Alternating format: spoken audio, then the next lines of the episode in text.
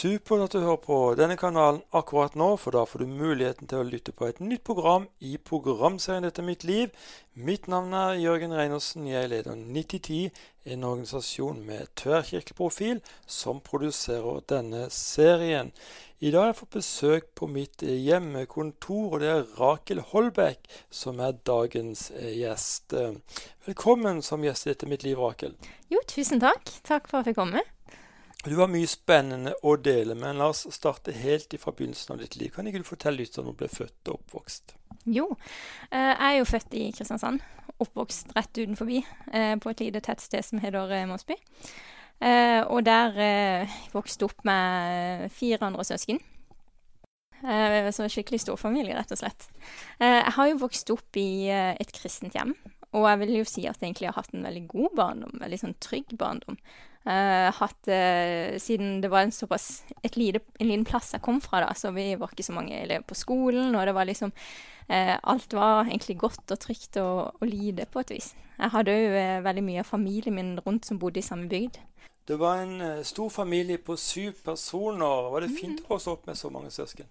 Ja, altså, når du er liten og står midt oppi det, så jeg var jo nummer tre, da, så du kan jo kalle meg litt sånn dritten i midten. Um, der var det jo uh, Jeg følte jo at det var Vi var alltid så mange, ikke sant. Det var jo uh, hvis vi skulle på besøk til noen, eller noe sånt, så bare Å ja, dere er jo så mange, dere. Ikke sant. Vi fikk jo alltid påpekt det.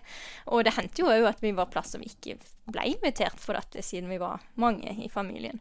Men, uh, men ellers så var det jo veldig gøy, for sånn som mamma har jo òg fire søsken og vi var 16 barnebarn på den sida, ikke sant, og det var en svær familie. Så, eh, så det har alltid vært eh, veldig gøy og hatt mange fettere og kusiner òg som en kunne ha vokst opp med. Så det var jo selvfølgelig mye krangling og mye liksom eh, alltid så slitsomt, og ja, det var så mange folk i huset og sånn når vi var små. Uh, jeg husker jeg fikk en kommentar av ei, uh, ei venninne en gang. Eller, hun var jo, skulle sikkert være litt sånn kvasta, men åh, deres familie, det er så mange, det kunne jo ha skrevet bok om dere. Uh, og jeg bare åh, nei, ikke sant. Vi er igjen, vi er så mange.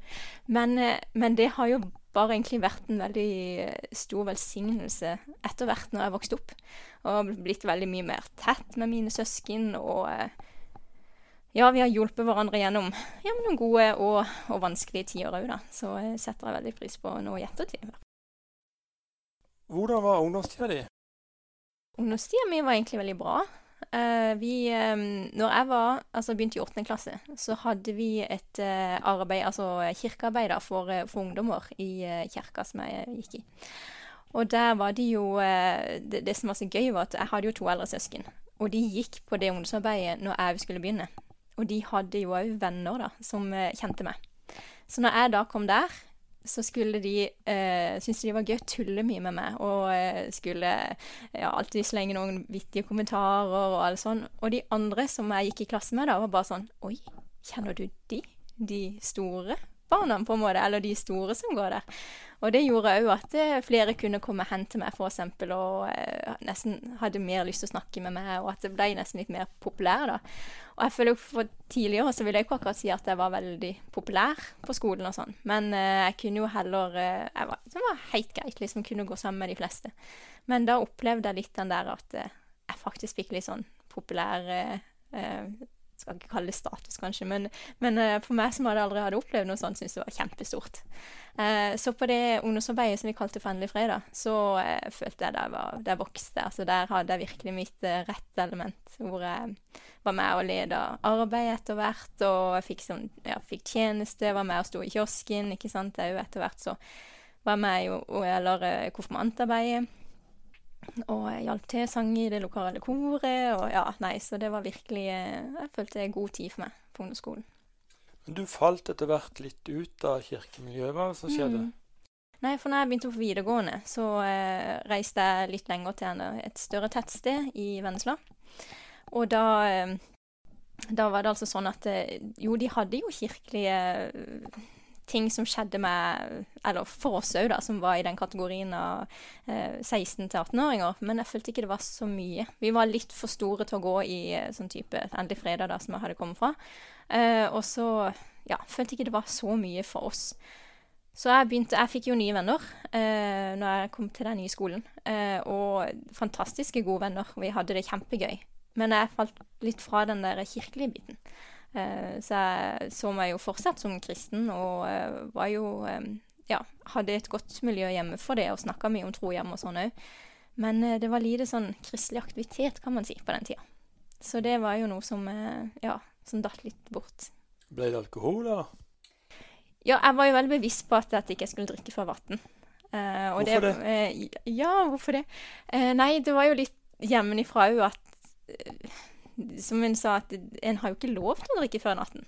Så jeg har jo alltid vært litt sånn snillpikesyndrom hos meg, at jeg skal liksom gjøre ting etter reglene. Eh, selv om jeg hadde andre søsken kanskje som ikke fulgte de reglene, og sånn, så var det jo ikke noe som ble slått ned på hjemme. Ikke noe sånn at det ble eh, store konsekvenser eller sånn. Men eh, hjemme så var de alltid veldig bevisst på at eh, ja, vi vil ikke at dere skal begynne før dere er 18, for det er jo faktisk loven i Norge. Men, men hvis det skal skje noe, så vet at dere kan alltid ringe til oss. Altså Uansett hva som skjer, om du ligger i grøft, om det er ikke sant, et eller annet, ring alltid til oss hvis det er noe. Var det trygt? Det var veldig trygt.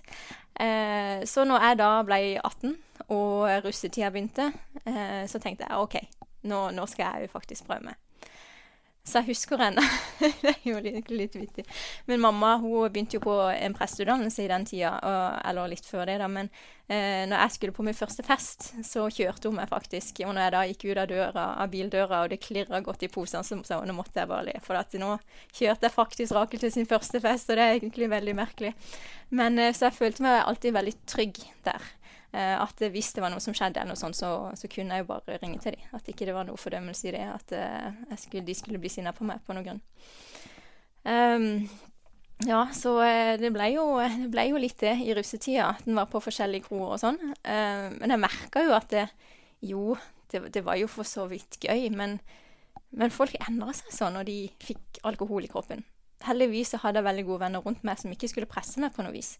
Eh, men jeg følte folk kanskje så annerledes på meg òg hvis jeg hadde drukket. Og da liksom Oi, er du, er du sånn, Rakel? Det hadde vi ikke trodd at du, du kunne det, på en måte, siden jeg var jo litt den kristne gjengen. At jeg hadde fått det stempelet på meg. Eh, og det var kanskje derfor òg jeg hadde lyst til å prøve litt av disse tingene òg, for jeg hadde ikke lyst til å ha det stempelet på meg. For jeg hadde lyst til bare å være Rakel. Ei ja, jenter som de òg kunne snakke med og, og tulle med på samme vis som alle andre. Men allikevel så fikk du et stempel på deg for at du var den kristne der, og du drakk. Hva tenkte du? Nei, akkurat i den tida så, så tenkte jeg at det var veldig kjedelig å ha det stempelet på seg. For at eh, du kunne komme inn i klasserommet, så satt noen kanskje og snakka om noe de hadde gjort i helga. Da ville jeg jo tro de involverte noe drikking, og kanskje noen hadde gjort noe dumt som de kanskje ikke burde, eller som de angrer på i ettertid. Eh, og de kanskje satt og lo av dette her og sånn. Da kom jeg inn, og så stoppa folk. Og jeg tenkte bare Oi, jeg vil jo ikke at det, det skal være sånn. Jeg vil jo ikke at de skal tro at jeg dømmer dem på noe vis. Eh, så derfor så ble det jo litt det at jeg hadde egentlig veldig lyst til å være med på fest og lyst til å vise at jeg var en av de. Men som eh, etter hvert da, så fant jeg jo ut at det var jo ikke Jeg følte meg jo ikke helt bra med dette her, og syns jo ikke det var Altså jo, det var jo gøy på et vis, men det var jo ikke egentlig sånn jeg hadde lyst til å ha det. At jeg måtte drikke for at jeg skulle føle meg vel, og at eh, de andre skulle respektere meg eller godta meg. Så eh, med russetida så ble det liksom mot slutten der, så ble det kanskje mindre og mindre kroer jeg ble med på. Mindre Ja, det var sånn turer jeg ikke ble med på, for jeg hadde ikke så veldig lyst. Og da så jeg jo at det ble jo litt sånn ringeffekt med andre òg, som òg meldte avbud da, fordi at jeg òg gjorde det. Som jeg vet ikke, kanskje ikke tørte det tidligere, men, men ja, i hvert fall gjorde det da. Så um, ja. Nei, mot etter russetida og sånn òg, så, så, fant jeg ut at OK.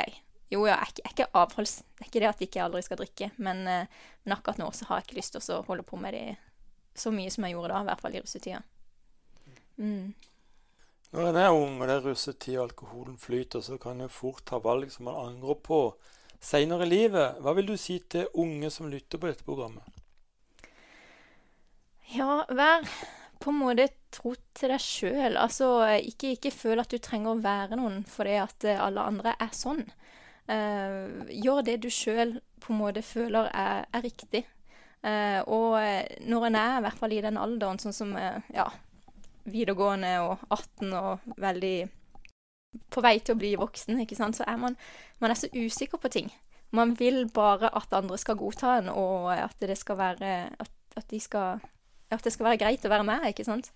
Eh, men bare tenk gjennom liksom, valgene du gjør, for at alt har jo en konsekvens.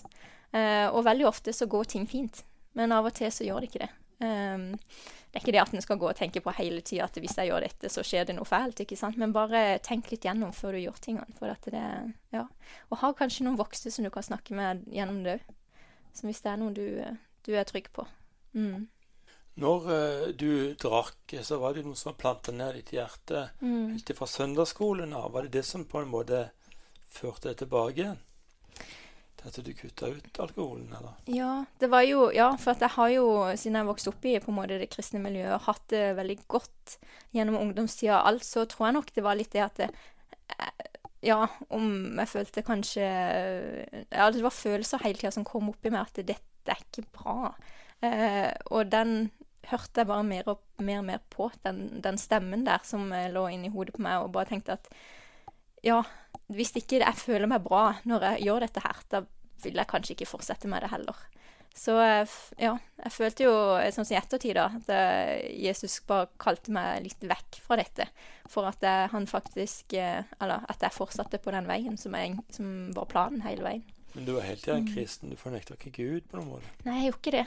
Så det var eh, Jeg var fortsatt eh, åpen, eh, åpenlyst kristen. Og, og, som sagt, jeg hadde jo et veldig godt og kristen hjem som jeg kom fra òg. og i den tida så begynte jo Ja, det kan jeg si litt om. Mamma begynte å studere til å bli prest. Alle ting. Hun er jo egentlig frisør. så hun fikk et kall på i den tida at når jeg var rundt Hvor gammel var jeg? Kanskje 16-17 eller sånn at hun fikk det kallet at hun, for hun hadde en skade i skuldra, så hun kunne ikke fortsette å jobbe. Eh, så da begynte hun på skole og begynte å studere, og da var det veldig mye eh, Jesus det gikk hjemme hos oss. For at med, hun hadde et veldig, eller har jo fortsatt, et veldig spesielt bånd om at vi har snakka mye om tro. Um, så selv om jeg på en måte hadde vennegjenger som ikke det var snakk om tro i det hele tatt, eller ikke fokus på Jesus, så, så hadde jeg mye av det hjemme. Så jeg tror nok det òg hjalp meg til å være Selv om jeg ville teste litt grenser og sånn når jeg var 18-19, så, eh, så, følte jeg at jeg eh, allikevel var trygg hjemme, og at ikke, det gikk over stokk og stein, i hvert fall. Du begynte også etter hvert, da etter eh, du uh, hadde fullført russetida, og sånt, å tenke på bibelskole. Ja. Hvor kom de tankene fra? ja, Nei, si det. Nei, altså, når jeg var ferdig på videregående, eller før jeg var ferdig, da, så tenkte Jeg visste at jeg hadde lyst til å ha et friår på et eller annet vis. Hvordan det så ut, det visste jeg jo ikke helt. Men eh, jeg tror det var i begynnelsen av tredje året på videregående, så, så begynte jeg å tenke litt for alvor. Hvor har jeg lyst til å reise henne? Og tanken var jo egentlig Oslo, eh, og kanskje inn på OKS, en menighet der inne i Oslo. Um, det heter vel ikke det nå lenger. Det heter vel Eller jo, det heter fortsatt OKS, men de har vel Romerikskirken, ja. Eh, så eh, ja, så snakka jeg med mamma og liksom tenkte ja, kanskje det hadde vært en ting å reise til Oslo. Jeg har jo alltid vært litt hjemmekjær, så det er liksom, jeg vil ikke så langt vekk. Eh, så sier jo mamma at men du, han, han, sønnen til pastoren der inne, eh, han gikk jo på Hillsong i Australia. Og så tenkte jeg bare Australia, du tuller nå? Jeg, hallo, jeg kan jo ikke reise så langt av gårde. Men så, eh, så, slapp liksom ikke den tanken helt. Hun hadde liksom planta et frø der. Eh, så husker jeg en gang jeg hadde vært på, på trening. Eh, så sto jeg på badet, skulle stelle meg. Og så hørte jeg på musikk. Og da hørte jeg faktisk på lovsang. og da hørte jeg på Hillsong. Og så, Nå husker jeg jo ikke hvilken sang det var som ble spilt, men mens underbevisstheten min jobba veldig, og plutselig så kjente jeg bare en veldig glede inni meg. Jeg hadde ikke liksom følt på det sånn veldig før, men kjente bare liksom det bobla over, og bare at jeg har lyst til å reise der til. Jeg har så lyst til å reise ned. Og jeg tenkte her, hvor kommer den tanken fra? Åssen den har jo ikke vært hos meg tidligere. Jeg tenkte oi, kanskje virkelig det er Gud som har lyst til å sende meg ned der. Kanskje han har faktisk en plan med at jeg skal ned. Så gikk jeg inn og sa det til mamma at du, vet du nå, nå har jeg faktisk hatt den opplevelsen, og jeg tror jeg har lyst til å reise. Og så begynner hun bare. Ja, du vet, sånn kan han funke. Sånn kan eh, Vi vet aldri åssen han, eh, han leder oss, men han gjør det på forskjellig vis. Um, så da ble det til det at jeg faktisk reiser ned der.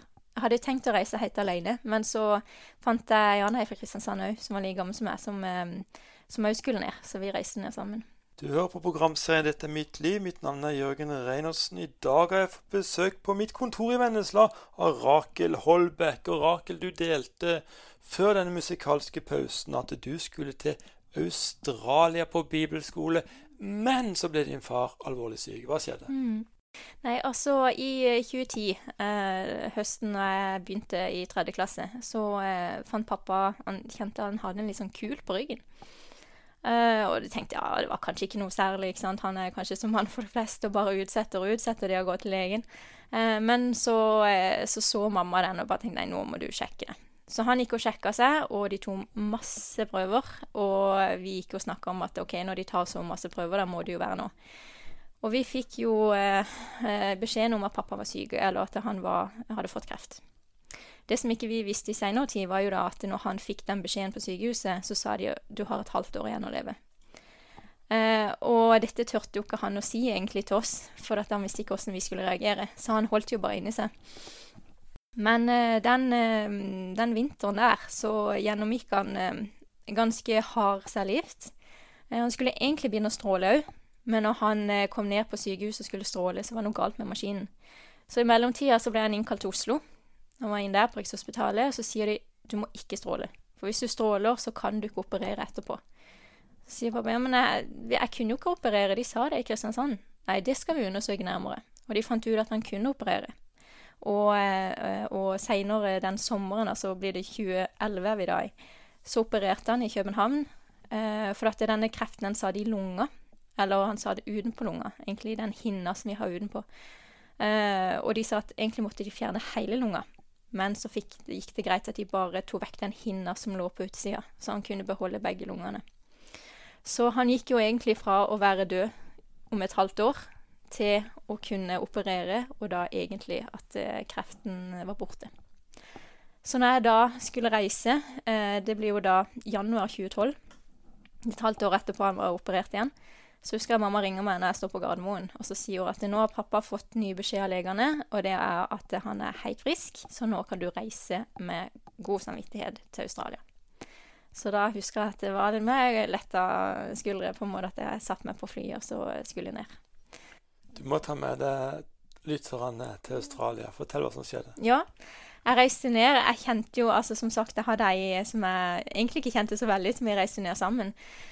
Men det var bare sånn OK, Jesus, nå må du være med på reisen, for det at eh, jeg har aldri vært så langt før. Eh, og har aldri reist sånn sett alene. Og vi, eh, vi, var jo to, vi visste jo ikke helt hvordan vi reiste alene. Ingen av oss hadde reist alene før. Så eh, nei, vi, vi, var veldig sånn eh, hjalp hverandre og, og la alltid hendene på Jesus, at han måtte virkelig lede oss når vi var der, og sende de rette folkene til oss. Og turen gikk kjempegreit, og når vi kom ned der, så eh, ja, vi jeg eh, bare traff et helt fantastisk miljø. Det var jo eh, ungdommer på min egen alder fra hele verden. Eh, og, jeg fått, eh, jeg vil jo si ennå at jeg har venner i alle verdensdeler i hele verden. Så eh, det var utrolig gøy. Um, jeg ble utfordra noe veldig når jeg kom ned der. For at de var på en måte veldig glad i oss, disse lærerne og, og pastorene som jobba der nede, men de var veldig på å pushe oss og sette oss ut av komfortsona.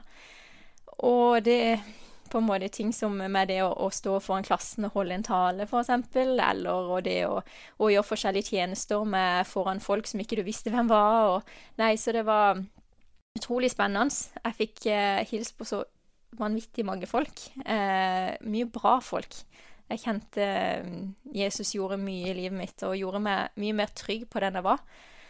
Uh, ja, på, på, liksom det at OK, jeg er Rakel, hvem er meg egentlig? Og det følte jeg virkelig fant ut av mens jeg var der nede. Um, ble liksom bare det å, å, leve uten mamma og pappa, ikke sant. Uh, flytte hjemmefra og uh, leve med andre folk. Det var jo òg en prøvelse. Og um, ja, men når du er fra mange forskjellige nasjoner, så er det jo ofte litt kulturkrasj òg, ikke sant. så eh, nei, det var hvis det andre ikke hadde tatt oppvasken, f.eks., så bare ja, åssen kan vi gjøre dette på best mulig måte uten at det skal bli krangling i huset. Så det var, det var veldig mye en skulle ta stilling til. Så, men eh, alt i alt så har det vært et fantastisk år. Så når jeg ser tilbake på, liksom, så er det Årene går fort òg, ikke sant, når en ser tilbake. Så hei, det var virkelig et uh, fantastisk år som, uh, som uh, la, har satt dype spor i meg, altså. Men dette med at du måtte stille deg fram for forsamlinger og sånn, det må jo ha vært litt godt òg, da, for du bestemte deg for å bli pastor. ja, faktisk. Ja, det er veldig merkelig at, det, at jeg faktisk eh, For at når jeg sto der og skulle holde, holde en liten appell, da, som var kanskje fem minutter Vi begynte først første halvåret med vi kunne velge samtaleemne sjøl. Og etterpå det så skulle vi da velge noe om, fra Bibelen eller noe sånn, om Jesus. Men jeg var livredd og skulle stå der, og det var jo bare for min egen klasse. Vi var kanskje 20 stykker, ikke sant. Så jeg bare sånn Og det å være så redd og faktisk gå til å ville bli pastor, det har liksom skjedd litt det året der. Eh, men grunnen til det var vel egentlig bare at jeg så hvordan de som jobba der nede, de lærerne og pastorene, hvordan de hadde det. Det virka som at de elska hverdagen sin og jobben sin. Og jeg tenkte fy søren, hvis jeg kan ha et sånt fellesskap og, og, ha en sånn jobb, så må jo det være drømmen. Så da gjorde det òg at når jeg kom hjem, at jeg søkte på eh, Ansgar teologiske høgskole, som ligger på, eh, i Kristiansand, rett utenfor Kristiansand, og begynte der da, når jeg var ferdig på, eh, på bibelskolen. Var det et kall du fikk av Gud til å være pastor? Uh, jeg vet ikke om det var akkurat direkte pastor han uh, valgte meg til, men det å gjøre noe for han, uh, å jobbe med noe, og det å forkynne hans sitt ord, tror jeg virkelig var noe som jeg fikk i kall til. Når du kom deg på, Panska teologiske høgskole, så Eh, så var livet positivt for deg. Der skjedde mye godt. Ja, det var utrolig gøy. Uh, selv om uh, når jeg ser tilbake Eller når en var der og hadde disse forskjellige temaene og sånn på skolen, så var det jo liksom Har vi behov for dette? Eksempel en gikk dypt i etikken og diverse. Men, men, men i ettertid med det samholdet vi hadde i klassen Det var en fantastisk fin klasse, altså. Kjempegøy. og Veldig bra miljø. Så eh, ja, så når jeg ser tilbake, så var det tre veldig fine og gøye år som vi hadde sammen.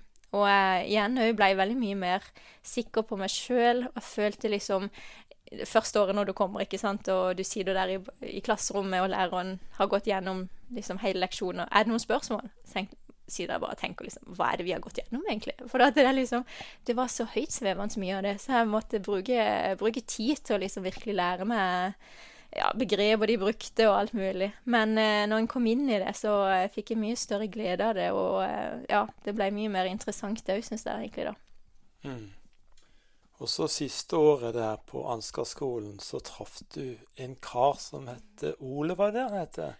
Første, fortell første møte, du. Første møte, ja, ikke sant. Det er jo litt interessant. Jeg, det henger jo litt sammen, da. Men eh, Først Hans sin storebror og min storebror er jo gode kamerater. Så, eh, så um, vi skulle en gjeng på Kaptein Sabeltann og alle ting. Det er det sikkert mange som har vært på nede i Kristiansand i Dyreparken her.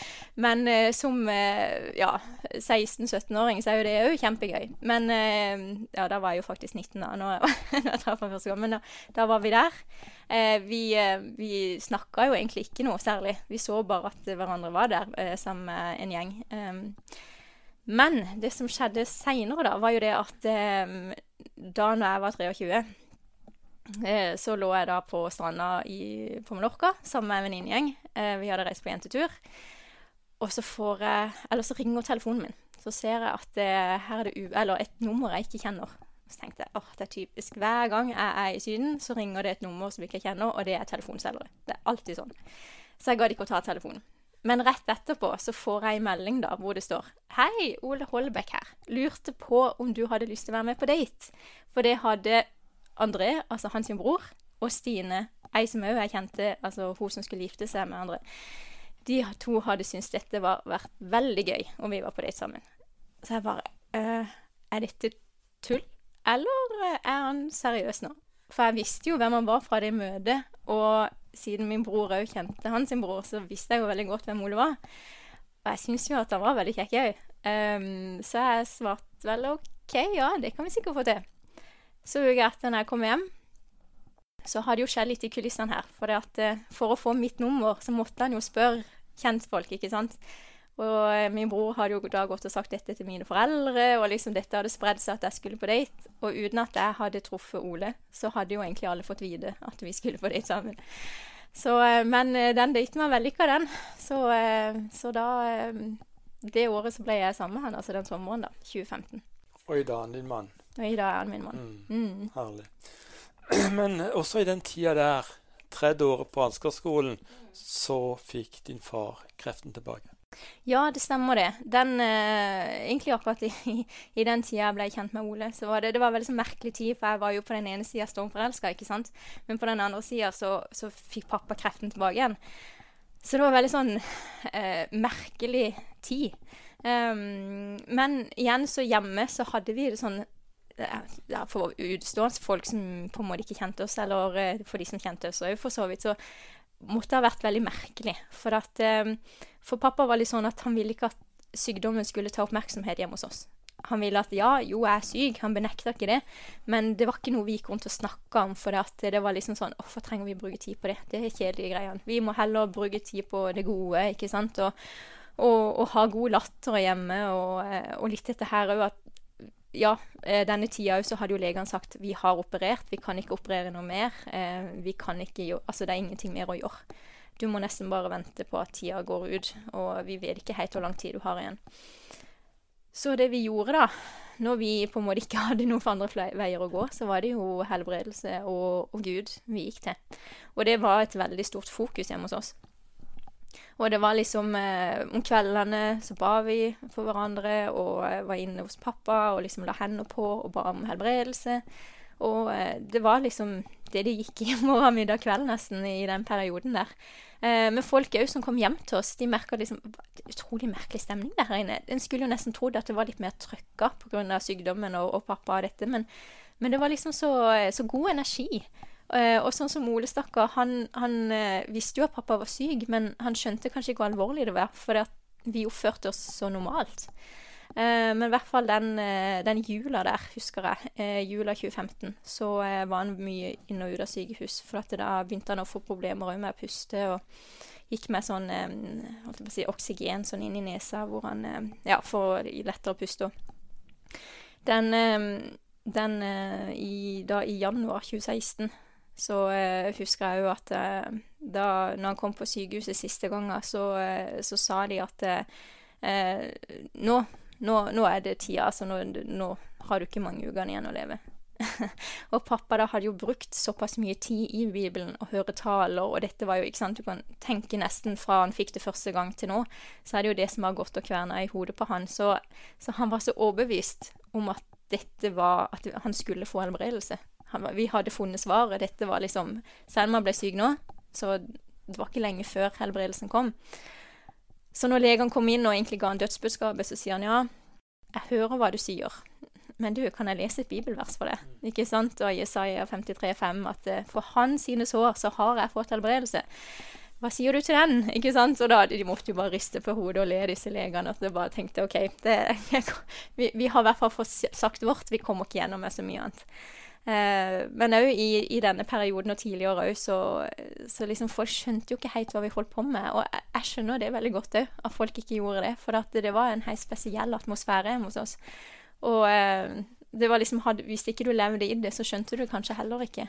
Eh, men folk eh, har jo fått tørt i ettertid og sånn òg at mange trodde jo vi begynte å gå fra vettet. ikke sant? Hva er det som skjer hjemme hos de? Ser de ikke at mannen er, altså vår far er syk? Eh, tar vi det ikke inn over oss? Er alt bare en benektelse? Men eh, vi tenkte jo at hvis vi skal se noe helbredelse her, så må vi gå all in for helbredelse òg. Da kan vi ikke si at ja, vi tror på helbredelse, men vi, vi, vi tror òg på legene. ikke sant? Vi tenkte OK, hva legene sier, det er ikke relevant nå. Nå må vi bare stå på Guds ord. Og eh, vi gjorde det så lenge vi kunne, ikke sant. Jeg husker jo ennå innpå eh, sykerommet der eh, når han eh, var ganske full av morfin og klarte ikke helt å puste på egen hånd, og det var jo ganske voldsomme ting som skjedde. Så hadde vi på lovsang, og vi reiste hender, og vi, eh, vi sang, og vi ba, og vi, det var liksom det var, det var, helt merkelig, altså. Det er sånn som når jeg tenker tilbake, så er det jo liksom Tenk at det skjedde, egentlig. Men vi var så i det, ikke sant, at dette skal vi få gjennom. Du hører på programserien 'Dette er mitt liv'. Mitt navn er Jørgen Reinertsen. I dag har jeg besøk av Rakel Holbæk på mitt kontor i Vennesla. Og Rakel, du fortalte at eh, din far lå på sykehuset. Han var veldig, veldig syk. Hva skjedde videre? Mm. Nei, han hadde jo veldig mye smerter. Eh, for denne, altså, den kreften som vokste Han vokste vel egentlig ut fra ryggen hans. ikke sant? Han satt på lunga, og så vokste utover. Og eh, det så jo ut som en tennisball, så det var jo voldsomme greier. Um, men uh, han da, i, i, januar 2016, så uh, lå han på sykehuset proppfull av morfin, ikke sant, og uh, den dagen da, så 29. 29. januar, så uh, fikk ikke vi noe mer kontakt med han egentlig. Han lå um, Du hørte at han pusta, men uh, vi fikk ikke noe mer, fikk ikke snakka noe mer med han. Men hele familien, meg og mine søsken og mamma, sånn sto, uh, sto rundt sykesenga hans og ba for han. Og når vi ba, så var det liksom sånn Jeg tenkte OK, nå er det like før pappa våkner her, ikke sant. Nå er det like før han åpner øynene og så ser på oss og smiler og Ja ja, men nå skjer det. Nå skjer det. Og så kjenner vi bare at hele kroppen bare slipper taket. Og at han bare puster ut og forsvinner. Og så, men jeg var, jeg var så fyll, fylt av Den hellige ånd. Altså, jeg kjente bare liksom Det var ja Jeg tenkte OK, ja ja, men, men vi gikk jo på ennå. Altså, Jesus reiste jo opp Lasarus fra de døde etter han var altså fire dager. ikke sant? Det, det, det går fortsatt. Sto og venta, og vi ba, og vi liksom, de, minuttene gikk, og sånn. Og så etter hvert så kom legen inn. Og så sier hun at OK, jeg må sjekke han. Jeg må sjekke at han faktisk er død. Og sjekker han og eh, går over og ser at ja, jeg kan konstatere at han er død. Så måtte hun bare snakke med mamma og få på en litt sånn, eh, ja, få gjort unna disse tingene her. Og vi sitter vel egentlig bare sånn et sjokk. Hva skjedde nå? Det var, det var ikke dette som skulle skje. Han skulle jo bli helbreda. Jeg husker ennå vi går inn i et, uh, et rom på sida hvor vi kan sitte bare familien, og liksom bare uh, Hæ? Altså, jeg skjønner egentlig ikke helt hva som har skjedd, for det var jo ikke det, var ikke det vi var innstilt på. Uh, men jeg husker vi, vi går hjem, og liksom da begynner folk å komme på Altså komme med blomster, og, komme, og da, liksom, da slår de inn og bare Oi, hva er det egentlig som har skjedd for noe? Pappa er faktisk dødd. Um, og mamma er så god da at hun sier bare for å bevare oss litt at det, Beklager, vi tar ikke imot noe besøk nå denne, denne tida fram til begravelsen, for det er bare for å skjerme oss litt. òg. um, men hele denne uka fram til begravelsen så er det egentlig bare et vakuum, hvor vi nesten Altså, det er så mye følelser, og det går, ikke sant. Du griner litt, du ler, du tenker på gode minner, og det er liksom bare Alt er helt merkelig. Før er da liksom begravelsen, og jeg føler bare at lufta går ut av meg, ikke sant. Hva kjenner Kjære Jesus, hva skjedde nå? Og jeg kjenner bare Det kommer så mye følelser inni meg. Jeg blir så sinna. Um, og da har jeg egentlig bare på lovsang i bakgrunnen. Og det er da den derre 'Her du ser meg' kommer på, som vi hørte i stad. Uh, og jeg kjenner bare Ja, det kommer ei setning inni der hvor det står 'For du har sagt' Eller 'For i ditt ord har du sagt at du er trofast gjennom alt' tenkte ja, men Jesus, altså, Jesus, vi gikk på ditt ord. Det var liksom det sto at det for dine sår som du fikk på korset, så har vi fått legedom. Er ikke det riktig, da? Men til slutt da så innser jeg bare at vet du noe, Gud er Gud, og jeg er ikke det. Hvorfor han ikke fikk helbredelse, det vet ikke jeg. Men det som jeg vet, er at eh, nå er han i himmelen. Jeg skal se han igjen en gang, og han har ikke lenger smerter. Så etterpå det så kjente jeg bare en sånn enorm varme og godhet inni hjertet. Det var akkurat som at jeg ble bare omfavna av Guds kjærlighet på et vis. Så mens jeg lå der i senga, så kjente jeg bare Wow, Gud. Du er virkelig Gud. Og selv om ikke det gikk veien denne gangen, så er du Gud. Selv om jeg opplevde det som jeg gjorde, så var det aldri noe sånn at jeg ikke tror på han lenger og at eh, han var fortsatt så utrolig sterk i mitt liv. Så etterpå det så Mange spurte meg liksom 'Åssen går det med deg?' ikke sant? Og jeg bare 'Jo, jeg syns det går fint, egentlig'. Og mange 'Ja, gjør det egentlig det?' Ja, jeg syns det. Og da begynte jo å gå i venninnegjengen min òg, liksom, og bare 'Ja, men går det egentlig fint med henne?' Hun snakker liksom ikke om det, og det, hun virker ikke som hun er lei seg. Altså, de var redde det plutselig skulle klikke for meg på et vis, ikke sant? For at ikke jeg fikk noe Ja, noe at jeg fikk eh, ut sorgen på noe vis. Men jeg følte akkurat der, når jeg hadde den tida med Gud, så følte jeg fikk ut absolutt alt. Av sinne og aggresjon og ting som var inni meg. Og bare sånn OK, nå kan jeg bare slippe tak. For du har meg, du er trofast, du er, du er god, og du holder meg nå. Uh, så etterpå det så, så har det jo prega meg at pappa døde, selvfølgelig. Men jeg òg føler en utrolig fred og godhet, på et vis, med det at Gud, eh, Gud er så god og kjærlig og virkelig har meg. Så eh, nå ble det veldig emosjonelt her, men, eh, men, sånn var det rett og slett. Og eh, ja, det er fortsatt merkelig at han er borte. Men, eh, men, sånn er det. Det er ikke alltid man ser helbredelsen. Men en takker jo selvfølgelig for alle de fantastiske historiene som er der ute. At folk som blir helbreda, og eh, ja, de eh, solskinnshistoriene vi har. Um, nå skjedde ikke det denne gangen, men um, sånn er det. Av og til er det bare sånn. Men du skal se den igjen? Jeg skal se den igjen. Ja. ja. Det er det som er så godt. Fantastisk. Mm. Nå er det sikkert en del av lytterne som som kjenner seg igjen. Mm. Noen har mista sine kjære, og andre sitter kanskje der og, og sliter med ja, tøffe sykdommer i kroppen mm. og sånn. Har du noe til dem? Ja, hva sier man på en måte når eh, Jeg skulle jo ønske at jeg virkelig hadde svaret på det, ikke sant? Eh, men, men, jeg tenker sånn som jeg så pappa. Eh, det hva, hva det gjorde med han han søkte Gud på slutten, ikke sant? Det var jo at han hadde en sånn glede inni seg. Fordi han fokuserte på Jesus og ikke på sykdommen. Han fokuserte på det gode og ikke det vonde. Um, og selvfølgelig så er det, er man syk òg, så har man gjerne mye smerter. Og en har uh, ting som er vondt. Um, og um, jeg tror fortsatt på helbredelse. Jeg tror at det, er mulig. Og ja, hvorfor det ikke skjedde med pappa, som jeg sa, det, det, har, det vet vi jo ikke. Men uh, aldri slutt allikevel å gi opp. For jeg tenker liksom Det er mulig. Men bare vit òg at Gud er Gud, og han har en plan med det. Mm. Kan du tenke deg å be en bønn for lytteren? Mm. Kjære pappa. Gud i himmelen, jeg takker bare for uh, lytterne som er her nå. Jeg takker for at uh, du har skapt hver og en av dem, og at du kjenner dem så inderlig godt. Vi vet at du er trofast på ditt ord. Det har du sagt, og det kan vi vite. Og jeg takker bare for at uh, selv om ikke vi ser alltid den helbredelsen som kommer ut, så slutter ikke du å helbrede. Jeg takker for at eh, hver og en som hører på, som har vondt, jeg bare ber for helbredelse. Og som det står i dine, eller i Isaiah 53,5, at det får dine sår, Jesus, de piskeslagene du tok på korset, alt det vonde du tok på deg, så tok du òg verdens sykdom. Og jeg bare ber om at den helbredelsen kommer frem i hver og enkelt som hører her nå. Jeg takker òg for at eh, vi ikke alltid vet hva som skjer, for det tror jeg ikke vi hadde gått av videre heller. Men du har en plan. Og nå bor vi i en verden som ikke er perfekt. Vi bor i en verden hvor det er utrolig mye vondt. Men det vi kan vite, at det så lenge vi har det i vårt hjerte, så ses vi igjen i himmelen.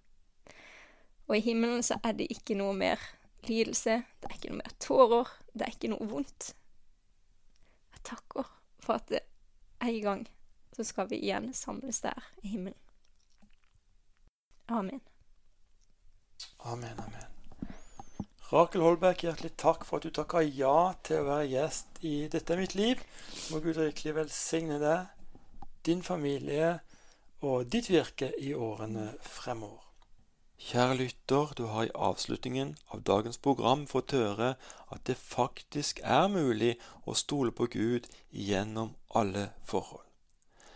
Jeg vet ikke hvordan du har det der du er akkurat nå, men jeg vet at om du velger å stole på Gud, så vil Han være med deg gjennom alle livets stormer.